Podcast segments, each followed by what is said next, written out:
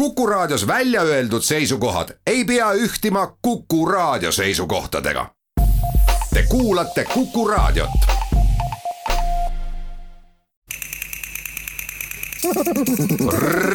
reisirada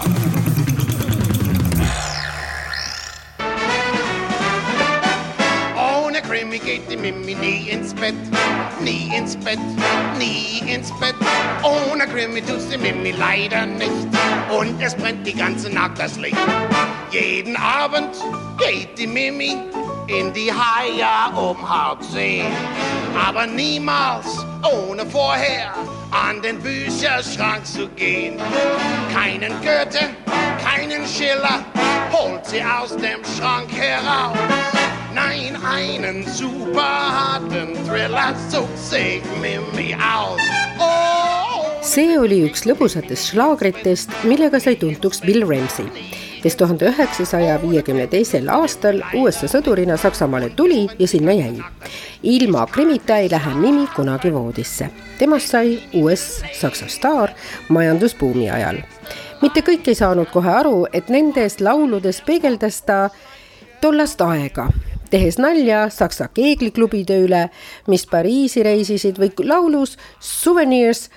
tegi nalja Saksa turistide kohta, kes Itaalias kõik kokku ostsid. tema laulud jäid mällu Vumba Tumba šokolaadinaisverkäufe või Zuckerpuppe aus der Bauchtanztruppe. veel kaks tuhat üheksateist modereeris ta oma kolmkümmend aastat kestnud raadiosaadet Swing Time kui džässlegend Ella Fitzgerald teda laulmas kuulis, olevat ta sulgenud silmad ja öelnud kui sind ainult kuulata, siis mõtlen, et oled mustlaulja. nii sai Ramsey hüüdnime Valge mees musta häälega, kes alates kuuekümnendatest aastatest laulis ainult bluusi ja džässi. üheksakümne aastaselt lahkus ta juunis meie seast.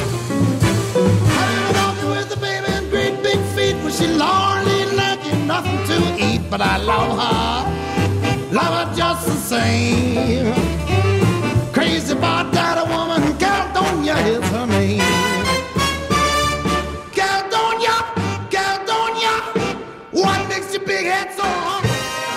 Nüüd aga Eesti džässi ühe säravaima isiku juurde, kes on samaaegselt saksofonist, akordionist, ansamblijuht, helilooja ja omanimelise džässklubi programmijuht. alati päikeselises meeleolus, ta on hea suhtleja ja publik armastab teda jäägitult sest oskab avada kuulajate südame ja mängida lähedaseks muusika, mida ta ise nii palavalt armastab ning Anne Erm, kes tuhande üheksasaja üheksakümnendal aastal pani aluse Tallinna rahvusvahelisele festivalile Jazzcar, kirjutab tema kohta nii. Pole siis imeks panna, et ta on Eesti kõige hõivatum džässmuusik, keda kutsutakse nii festivalidele, kontsertidele kui ka firmaüritustele.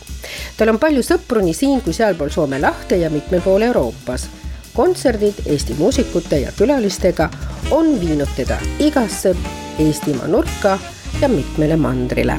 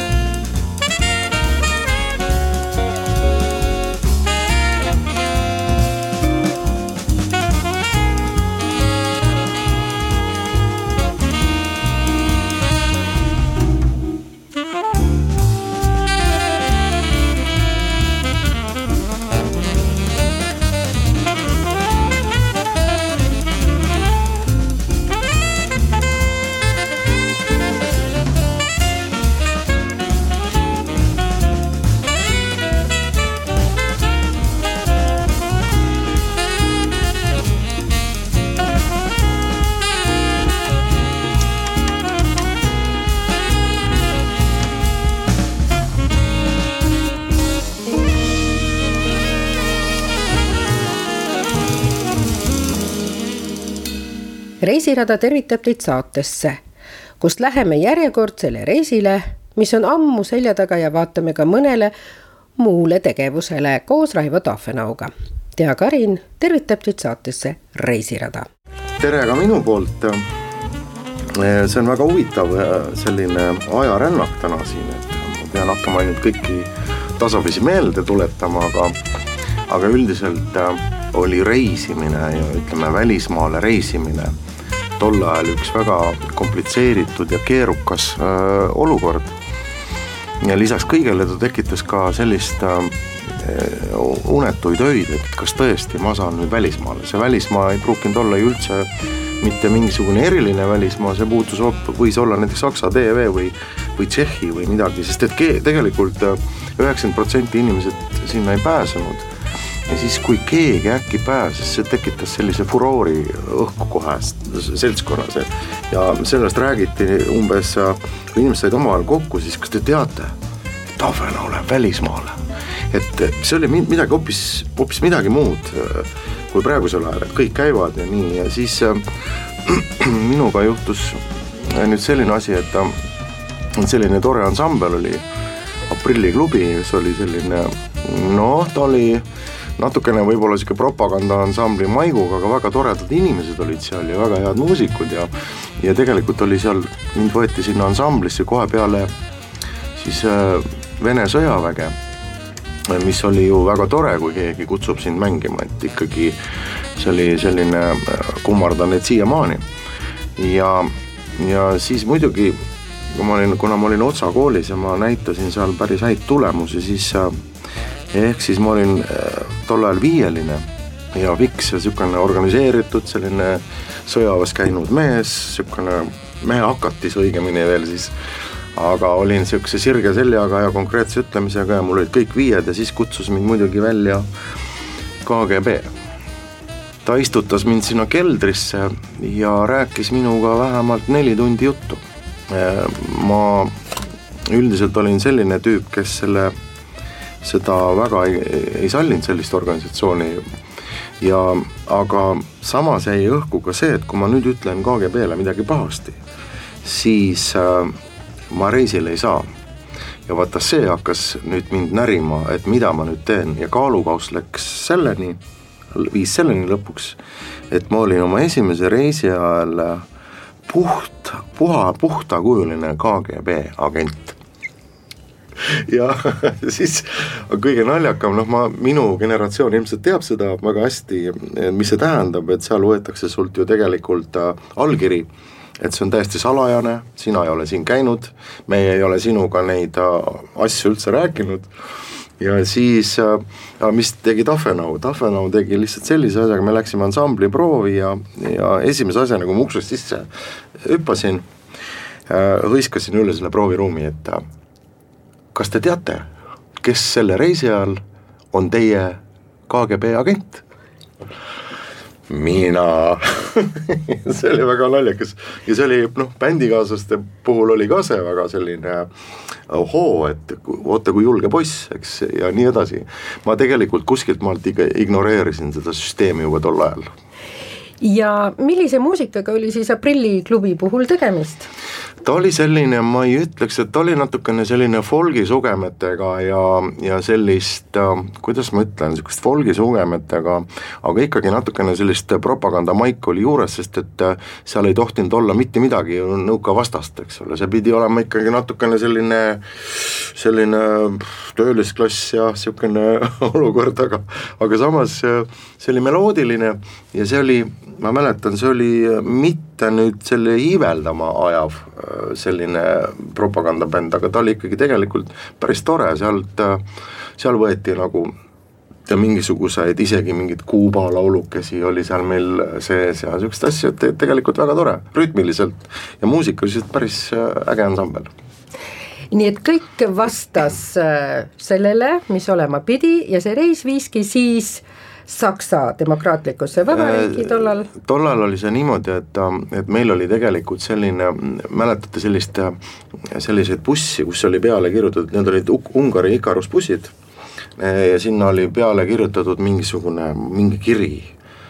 mingi soft trance või mingisugune, ma ei tea, mis asi see oli, igatahes, igatahes see oli selline punane buss ja sellega siis sõideti ja sealt Venemaalt oli veel mingisuguseid ansambleid. Ja see hõlmas siis nelja riiki, see oli selles mõttes ka üks kapitalistlik riik oli sees, see oli Austria ja ja see oli muidugi erilise nagu tähendusega, Austria, Ungari, Tšehhi, Saksa TV olid siis niisugused neli riiki. ma tahtsingi küsida, et tavaliselt kui viisa saadi, kui Nõukogude Liidust välja pääses, siis olidki need rohkem need sõbralikud äh, riigid nagu Ungari, Tšehhi ja Saksa Demokraatlik Vabariik, aga kuidas sattus sinna Austria? vot seda ma täpselt ei tea, kuidas Austria sinna sattus, aga ilmselt oli selle, sellise Moskva poolt korraldatud äh, siis sellise propagandaürituse üks, ma ei tea, siis mingil põhjusel ka Austrial seal sees. ja ma mäletan, et meil lasti, meid lasti tol ajal Viinis, Viini linnas lahti täpselt pooleks tunniks. ja mitte niimoodi, et sa lähed oma ansambliga, aga siis äh, komplekteeriti, äh, me olime, ma mäletan vist mööda kuuekesi, siis komplekteeriti kaks eestlast, kaks venelast ja siis mingisugune loomulikult selline musta kaabuga see KGB tüüp oli ka kaasas, et kes kõndis kogu aeg sabas. ja sellised komplektid, nii et me ei saanud ise minna, et me midagi ette ei võtaks, mingisugust illegaalset, mingisugust äh, nõukavastast asja, eks ole, nii et me käisime sellist, anti niisugused grupid ja lasti meid äh, siis nagu koerad parki lahti, noh sinna see, see oli väga naljakas, see oli väga naljakas, sest kõik hakkasid seal midagi korraldama, kõigil olid mingid plaanid, kuidas, mis seda pisikest taskuraha ära kulutada ja mingite välismasside peale, see oli väga naljakas ja milline on siis see mulje, mis on jäänud esimesest kapitalistlikust pealinnast Viinist? no põhimõtteliselt see, eh, kuna me sõitsime bussiga, me sattusime, sõitsime siis äh, Tšehhist äh, Mm, Austriasse ja see oli, see oli äh, öine aeg ja siis ma mäletan esimest asja seda, et et mis mind, mind hinge ära mattis, oli see valgus. ütleme, kui sa tuled nagu sellisest pi-, pimedast ühiskonnast ja sõidad üle piiri, siis äkki hakkab olema valge. Ähm, äh, sul on tänavavalgust korras, kõik tuled põlevad ja siis hakkavad olema mingisugused poevitriinid, siis mingis külas äkki sa näed äh, autopoodi, kus müüakse mersut, no öösel sõidad nagu selle klaasi tagant läbi ja seal müüakse mersut, vaata sellised asjad on meeles, et see oli hingematav mingisugune heaoluühiskonna tunne, et see seda nüüd lõpuni seletada on väga raske, sest et äh, eriti nooremale generatsioonile praegu sa ei seleta ära, mis, mis asi see tegelikult on. aga täpselt niisugune, mina mäletan seda olukorda, kus oli pimedus äkki vahetus valguse vastu et see üleni kõik see elukorraldus, need head teed, need ilusad, kõik need olud, kõik oli puhas, kõik oli korras, öösel oli valge, seda ma mäletan. kas äh Austrias oli kokkupuude ka tollal Austria muusikaga, sest milline teine maa on selline muusikamaa? jaa, jaa, nii palju oli, et meid äh, viidi äh, sinna Mozarti monumenti vaatama see oli kogu kokkupuutumine muusikaga. no nagu ma ütlesin, et see, see igaks juhuks äh, meid ei lastud ju rohkem tänavale välja kui pooleks tunniks, nii et seal ei jõudnud noh, ilmselt ka ma mõtlen ise, et kui olekski olnud, kas minu vaim oleks siis valmis selle muusika vastuvõtmiseks või kuidagi seda koha peal nautimiseks, ma arvan, et mitte, sest et äh, me olime ikka teie, teistmoodi äh, nagu, kuidas ma ütlen, äh, meie aju kompositsioon oli hoopis teine tol, tol korral, et meie mõtted, meie nagu väärtushinnangud olid kuskil ikkagi solgitorus, noh et äh, midagi ei ole teha, et need asjad peab enne korda saama, enne kui üldse muusika peale asjad lähevad. ja selle väikese raha eest, mis tollal kaasas oli, mis selle eest sai siis kaasa osta oi,? oi-oi, ma ostsin sealt mingid pastapliiatsid ja siis ma ostsin mingisugusest imelikust materjalist omale tossud, mis nägid jube head välja, aga mis kestsid mu jalas täpselt ühe päeva ja siis lagunesid ära. nii et ilmselt oli niimoodi, et kui ta korra vett sai, siis lagunes laiali nagu, nagu, nagu vetsupaber, kujutate, selline nagu seenas laiali, seda ma mäletan. kas sees A oli made in China? ei, ma ei, ma, ma isegi ei mäleta seda, sest et noh, tol ajal see China ei olnud ju nii, China oli ise ka suhteliselt vaene maa, aga aga eks siis neid kohti, kus neid äh, odavaid asju müüakse, see oli niisugune tilu, eks meid lastigi sinna Tilulilu tänavale, kus olid need kõige odavamad poed et ma oma nätsud ja asjad kõik ära saan. aga ma mäletan, et üks mees tuli küll, tal oli kaasas must, must kalamari purk ja sellest ta sai endale siis mingisuguse köögimaki, mis oli nii kõva sõna, et et kõik ahetasime, et kuidas ta niisuguse, sihukese businessi oskas siin välja, välja tekitada kui nüüd see neljane reis Austria, Ungari, Tšehhi ja äh, Saksa Demokraatlik Vabariik lõppes, siis tuli midagi ka sellest kokku panna ja aru anda. sest te olite ju teel ikkagi kui KGB-tšnik muidugi ma KGB-le eh, seda äh, nagu seletuskirja ei kirjutanud või tähendab, kirjutasin, aga siis ma panin selle probleemi, panin just sellele mustas ülikonnas ja kaabuga nahk äh, mustade läikivate kingadega tüübis, kes käis meil Roikus kogu aeg kaasas, siis kui õues oli kolmkümmend kaks kraadi, eks see oli suvine aeg. Ja siis ma põhimõtteliselt nagu kirjutasin tema kohta väga halvasti, aga oma bändi, noh kellest ma pidin nagu oma bändist ma pidin kirjutama, sest ma ei kirjutanud ühtegi sõna. aga panin kogu selle lataka siis selle KGB ohvitseri peale. Ja siis ma mõtlesin, et nüüd ma olen selles, mul tõmmati linnuke kirja et ma ei saa enam mitte kunagi välismaale, siis ma olin sellega leppinud, noh tol ajal oli perspektiivitu, eks ole, tume, tulevik näis ju väga tume ja ja niisugune tavaline nagu niisugune Harju keskmine niisugune, aga kaheksakümne kuuendal aastal sattusin Taani ansambliga Vikerlased, seal oli meil kakskümmend kolm kontserti, et uskumatu. Ja, ja sellest äh, on ainult head mälestused äh, välja arvatud see, et kui me hommikusöögilauas äh, sebisime endale kõik lõunaks ka need vorstid kõik kaasa, et see oli nagu siis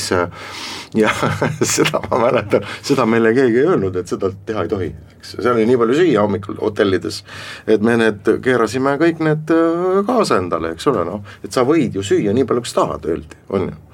aga keegi seda ei öelnud, et kaasa ei tohi võtta, nii et sellega jäime vahele. Ja siis äh, seal ma mängisin akordionit, eks ja seda ma mäletan, et kui tagasi tulles ma ei saanud, akordion läks nagu pagasisse, eks, ja see oli no halvasti pakitud, isegi kui mitte halvasti pakitud, siis seda loobiti nagu tavalist kohvrit ja seda mäletan, kui ma Moskvas selle akordioni kasti nagu ära võtsin, üles tõstsin ja siis kogu akordioni sisu vajus ühte nurka laiali, nii et kõik oli sodi, kõik, kõik need keeled, värgid, mis seal sees olid, et, et see puit oli puruks ja ja see oli tol ajal ikkagi väga kallis akordion, minu nagu ihupill, eks, selles mõttes, et ma olin temaga harjutanud. Ja, ja vot see oli väga karm nagu katsumus, kuidas nüüd see akordion jälle terveks saada, see oli mul selline olukord ja ja kuidas ta sai terveks? no siin on ikkagi eluaeg olnud Eestis selliseid üksikuid MacGyvereid, kes äh, ikkagi närivad läbi sellest probleemist ja, ja tehti ära, tehti ära ja tehti korda, täiesti korda, nii et, nii et äh, selles mõttes oli väga tore. reisirada jääme siin korraks veel akordioni juurde et Raifo Tafenaust akordionimängija sai, selles, ütleb ta ise, oli süüdi juhus, kui talle kooli ajal juhtus fantastiline akordioniõpetaja Reet Nurming, kes piitsa ja prääniku meetodit kasutades tegigi temast fanaatilise akordionisti. Juhus oli ka see, et Pärnu Koidula kooli puhkpilliorkestris jäi üles saksofon, mitte tuuba, tromboon või suur trumm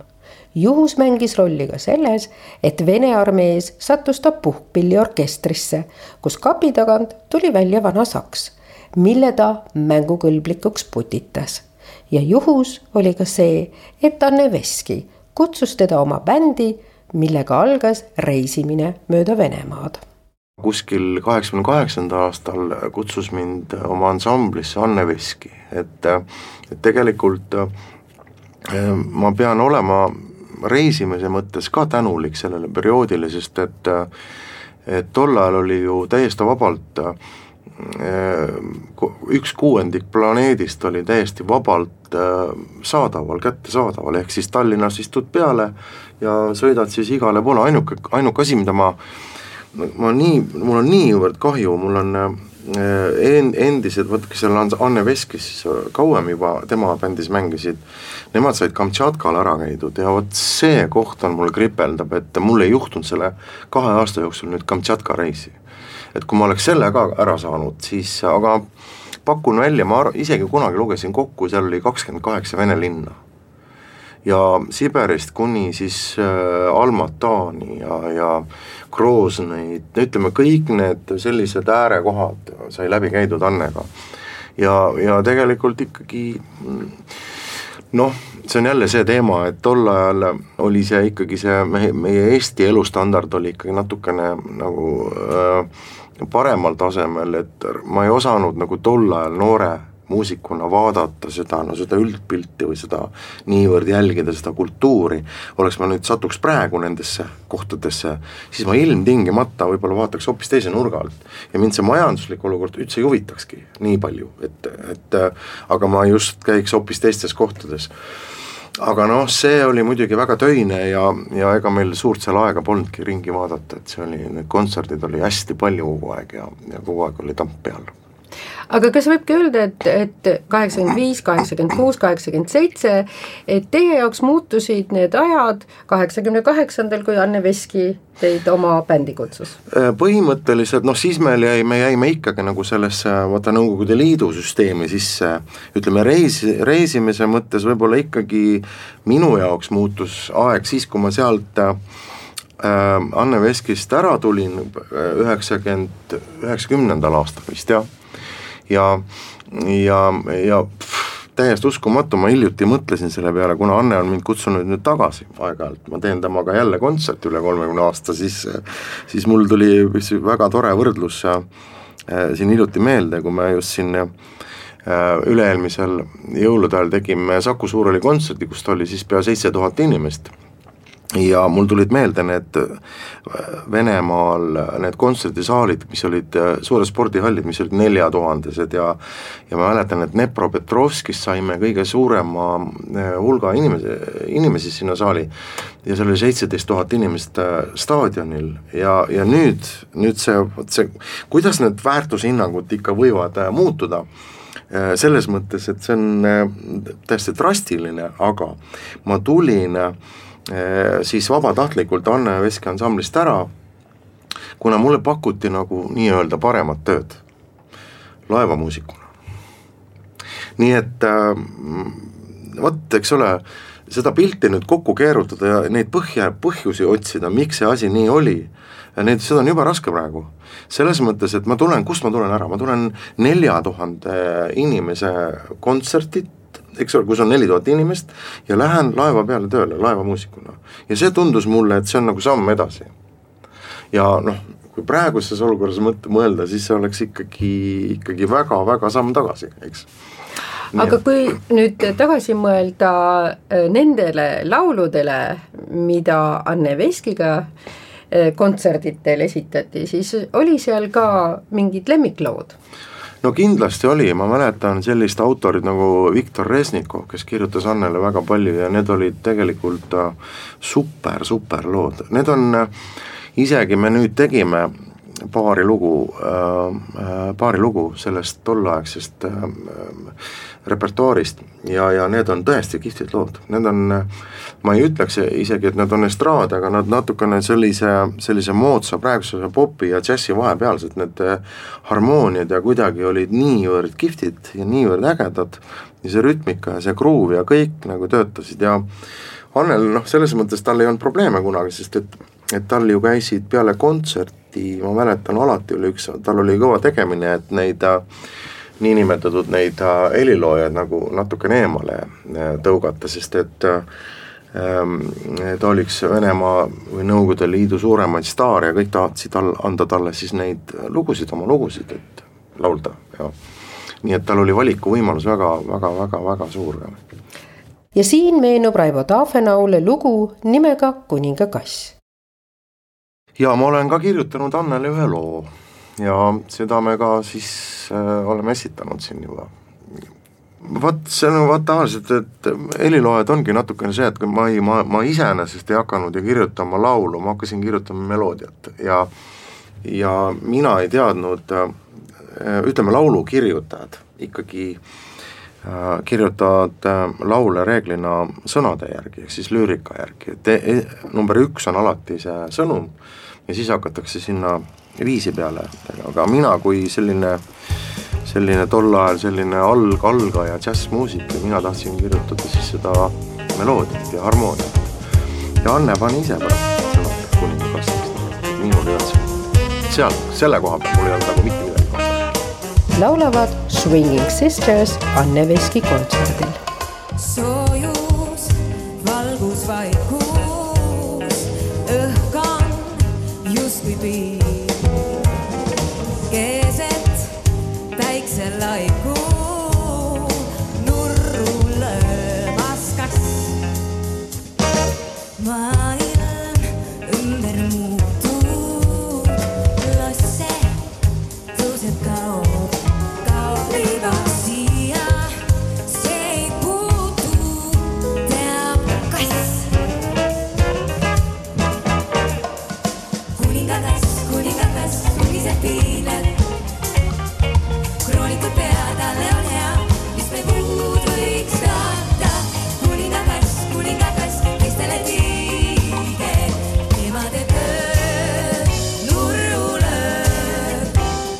põhimõtteliselt see laevamuusiku mm, ma üldse ei alahinda ja ma tegelikult olen ikka sügavalt tänulik äh, kogu sellele laevandusele äh, Tallinkile, kes siis esimesi laeva, tal oli ta kaks laeva, Tallink ja Georg Ots. Georg Ots oli vist eraldi ja Tallink oli siis ühe väikse laevaga, pähklikoorega ta sõitis. alguses seal oli Soome meeskond, esiteks äh, ja me olime ainsad eestlased ja ma sain suhteliselt ruttu oma sellised soome tänavakeele suhu number üks, teiseks äh, ikkagi need majanduslikud, ütleme majanduslikud tingimused, see krooni vahe, rubla ja krooni vahetumise ajajärgul olid ikka niivõrd totaalselt erinevad, et ta tegelikult äh, ikkagi äh, äh, ta lõi olukorra, kus ma saan edaspidi elus muusikuna jätkata, et väga paljud siis tol ajal loobusid ja see oli, see oli, see oli väga tore periood, me saime laevas olla tegelikult väga heade muusikutega koos ja ja mängida ka sellist muusikat, mis mulle endale väga meeldis, et äh, kuna väga palju inimesi tavaliselt ei olnud, kes ainult seda tantsu tahtsid teha, eks, siis oli meil natukene rohkem vabadust ka seal. et see oli väga-väga-väga-väga kihvt aeg oli tegelikult. reisirada aga kuidas nüüd te olete jõudnud selliste reiside juurde nagu mootorrattareisid? noh, see mootorratas eh, ilmselt mind kuskilt, kusagilt lapsepõlvest saati on juba eh, pisut eh, huvitanud, mitte pisut, aga ma mäletan, et mul olid ikka kaks võrd, võrdväärset asja, mida, millega igapäevaselt peale kooli tegeleda, üks oli siis äh, punnvõrride ehitamine ja teine oli akordion. ehk siis muusika on selline, et kui ma akordionit parasjagu ei mänginud, siis mul tavaliselt oli nina õline alati ja ikkagi ma, vaene minu ema, kes pidi mu bensuseid ja õliseid riideid kogu aeg pesema, et ja ma arvan, et sealt no, ikkagi see tehnika huvi on siiamaani säilinud ja ja see, see mootorratta mm, põhimõtteliselt see tekkis mul suhteliselt hiljuti, kaks tuhat viis või kaks tuhat kuus, kui ma esimese tsikli ostsin. ja mul siis lube ei olnud, siis ma käisin pimedas sõitmas ilma lubadeta ja et, et seda tunnet saada tagasi, siis tegin load. ja peale lubade tegemist siis, kui seal Nuustakul oli käidud korralikult, nagu öeldakse, käi enam Nuustakul ära. ja, ja natukene õpitud sõitma ka selle tsikliga, mis seal on väga palju erinevaid nüansse ja nii edasi, siis sai juba võetud sellised suuremad,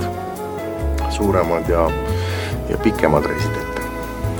ja üks nendest mootorrattareisidest viis jälle Austriasse. esimene oligi jälle Austria, seekord oli siis niimoodi, et eh, mul oli just kontsert,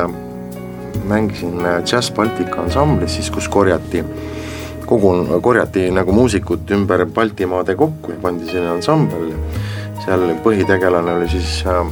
Nils Landgren. E,. mängisin seal kontserti ära, sõbrad tulid autoga järgi, võtsid mu peale,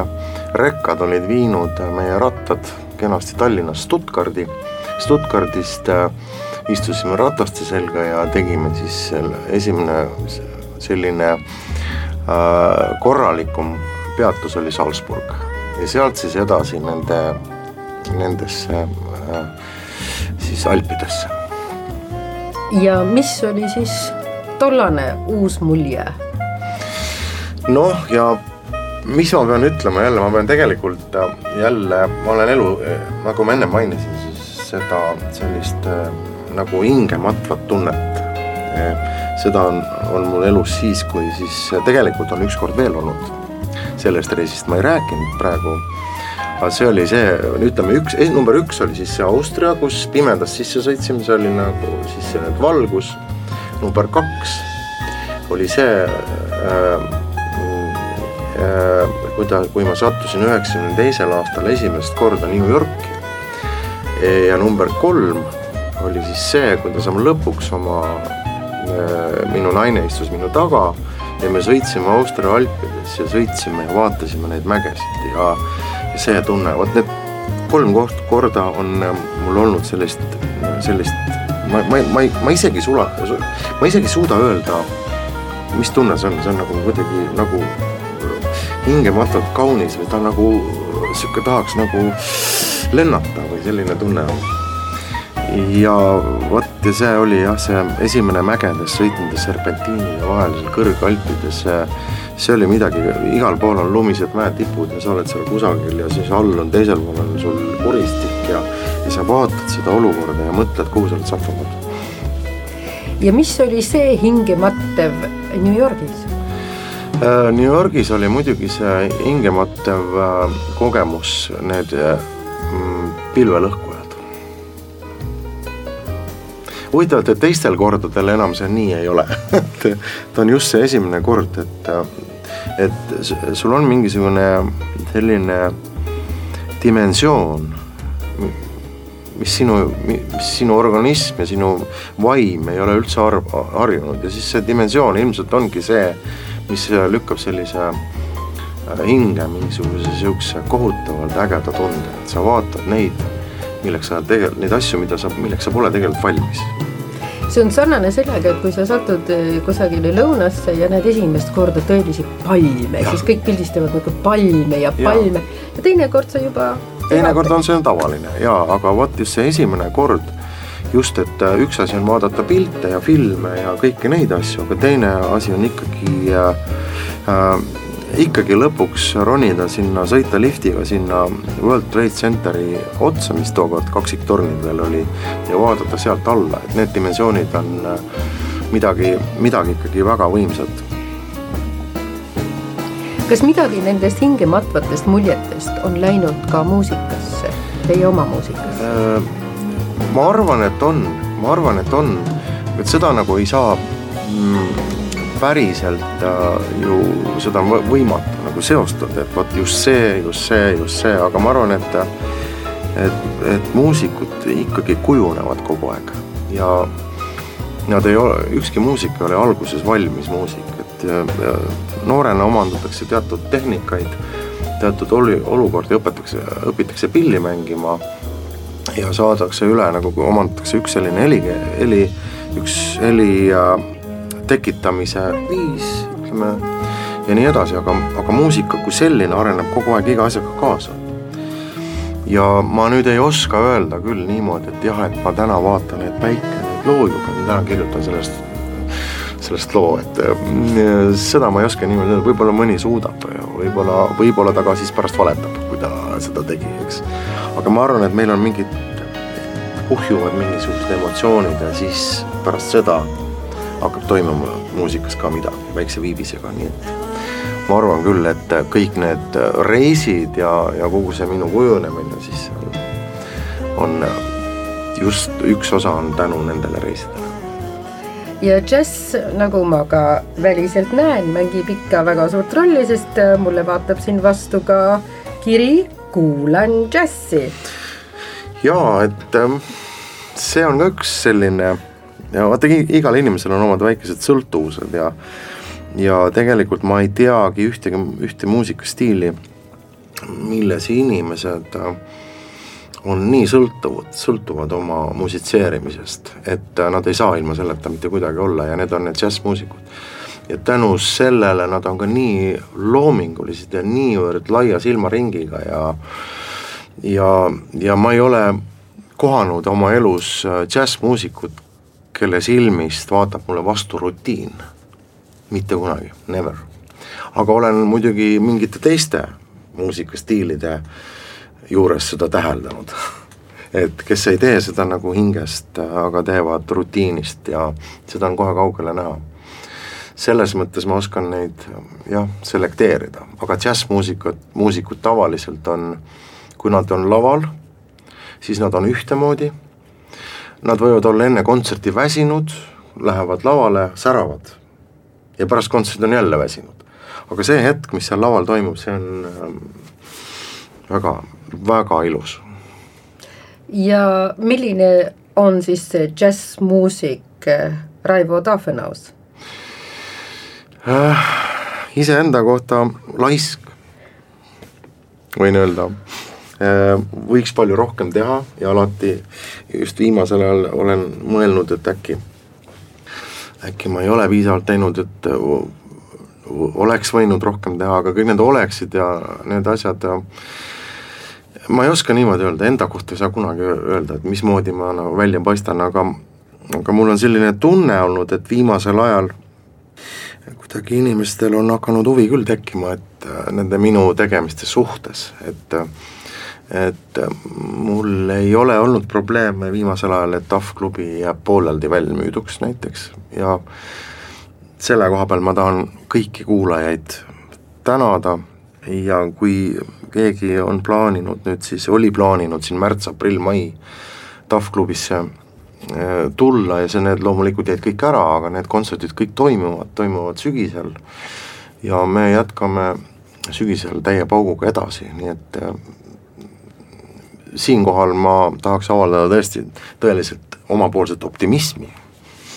selle asja suhtes. aga siiski on praegu ka midagi väga põnevat tegemisel ju. on välja tulemas üks väga huvitav ja ainulaadne CD. no ja see, võib-olla selle ma oleks juba lasknud äh, siin äh, maikuus välja, kui ma vaid oleksin saanud, et äh, praegu on nii, et et kogu see plaadi ja muusika info liigub ainult läbi veebi, aga äh, mina ei ole selles mõttes selline totaalne nagu vee-, veebikontserdite fänn, sest et äh, ma näen ise pealt sellist olukorda, isegi kui inimesed vaatavad neid kontserte, nad ei viitsi enda telefonile panna taha korralikke kõlareid mis teeksid, tekitaksid korralikku sound'i, ehk siis heli, korralikku helipilti, et äh, tehakse lihtsalt faktiline selline ekraan lahti ja kuulatakse seda asja telefonist, aga kujutage, kujutage nüüd kõik ette, milline on äh, telefoni heli äh, sellele asjale, mis sa teed, ma sellega sa võid pigem teha karuteene oma noh, oma näiteks igal saksimängijal on oma sound ja oma heli ja oma toon ja see võib tihtipeale seal veebikeskkonnas ära kaduda, et, et siis võib tekkidagi niisugune imelik asi, et mis pill see mängib, et ei saagi päriselt aru. see on üks point ja teine, teine küsimus on nagu see, et eh, džässmuusikale kohaselt on, ei ole ainult bänd, aga on ka publiku ja ansambli vaheline sünergia. et see on nii live muusika, kui üldse olla saab, ehk seal tekivad hoopis teised energiad ja seal tekivad mingisugused asjad, džässmuusikud räägivad publikuga juttu põhimõtteliselt ja publik räägib oma juttu vastu, et seda ei ole võimalik tekitada sellisel, sellisel kujul välja on tulnud ka CD, mis on omamoodi eriline, sest Raivo Tafenaule avanes võimalus mängida koos Tallinna Kammeorkestriga ja selles on džässtrio ja Raivo lemmik džässmuusikud. me saime selle orkestri kokku ilma kahe meetri nõudeta veel veebruari lõpus, kui koroonast veel keegi ei teadnud mitte midagi. ühtegi testi veel polnud tehtud ja õnneks, jumal tänatud, et nii läks ja kes on see, kelle mm, poole te olete huviga vaadanud, kes on niimoodi üle maailma tuntud?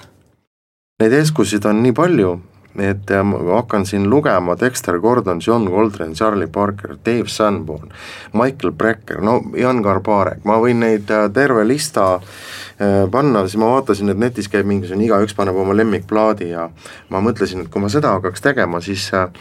siis ma peaks, siis mul ei oleks põhjust jätta välja mitte ühtegi plaati. ja see võtaks siis terve aasta minu äh, sellest,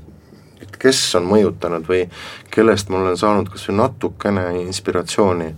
neid on nii palju, need on täitsa erinevatest valdkondadest, on äh, popmuusikas, on džässis, on klassikas ja nii edasi, nii edasi, nii edasi, nii et äh, aga kes nüüd päriselt jah, kujundanud on, ma arvan, et äh, päriselt ikkagi kujundavad lõppkokkuvõttes muusikud need inimesed, kellega ta saab koos mängida, ehk siis džäss on täpselt nii, et et me ju oleme suur kõrv laval, me kuulame, mis tehakse. Ja, ja teised muusikud on ka suurkõrv, nii et kuulavad, mis mina teen, et seal käib mingisugune, mingisugune looming, pidev niisugune katkematu looming, kui nad on laval, et see ja sealt minu meelest toimub see põhiline arenguprotsess kas see ongi see, mis teeb džässi eriliseks, mis eristab teda ka teistest valdkondadest, et see suhe publikuga ja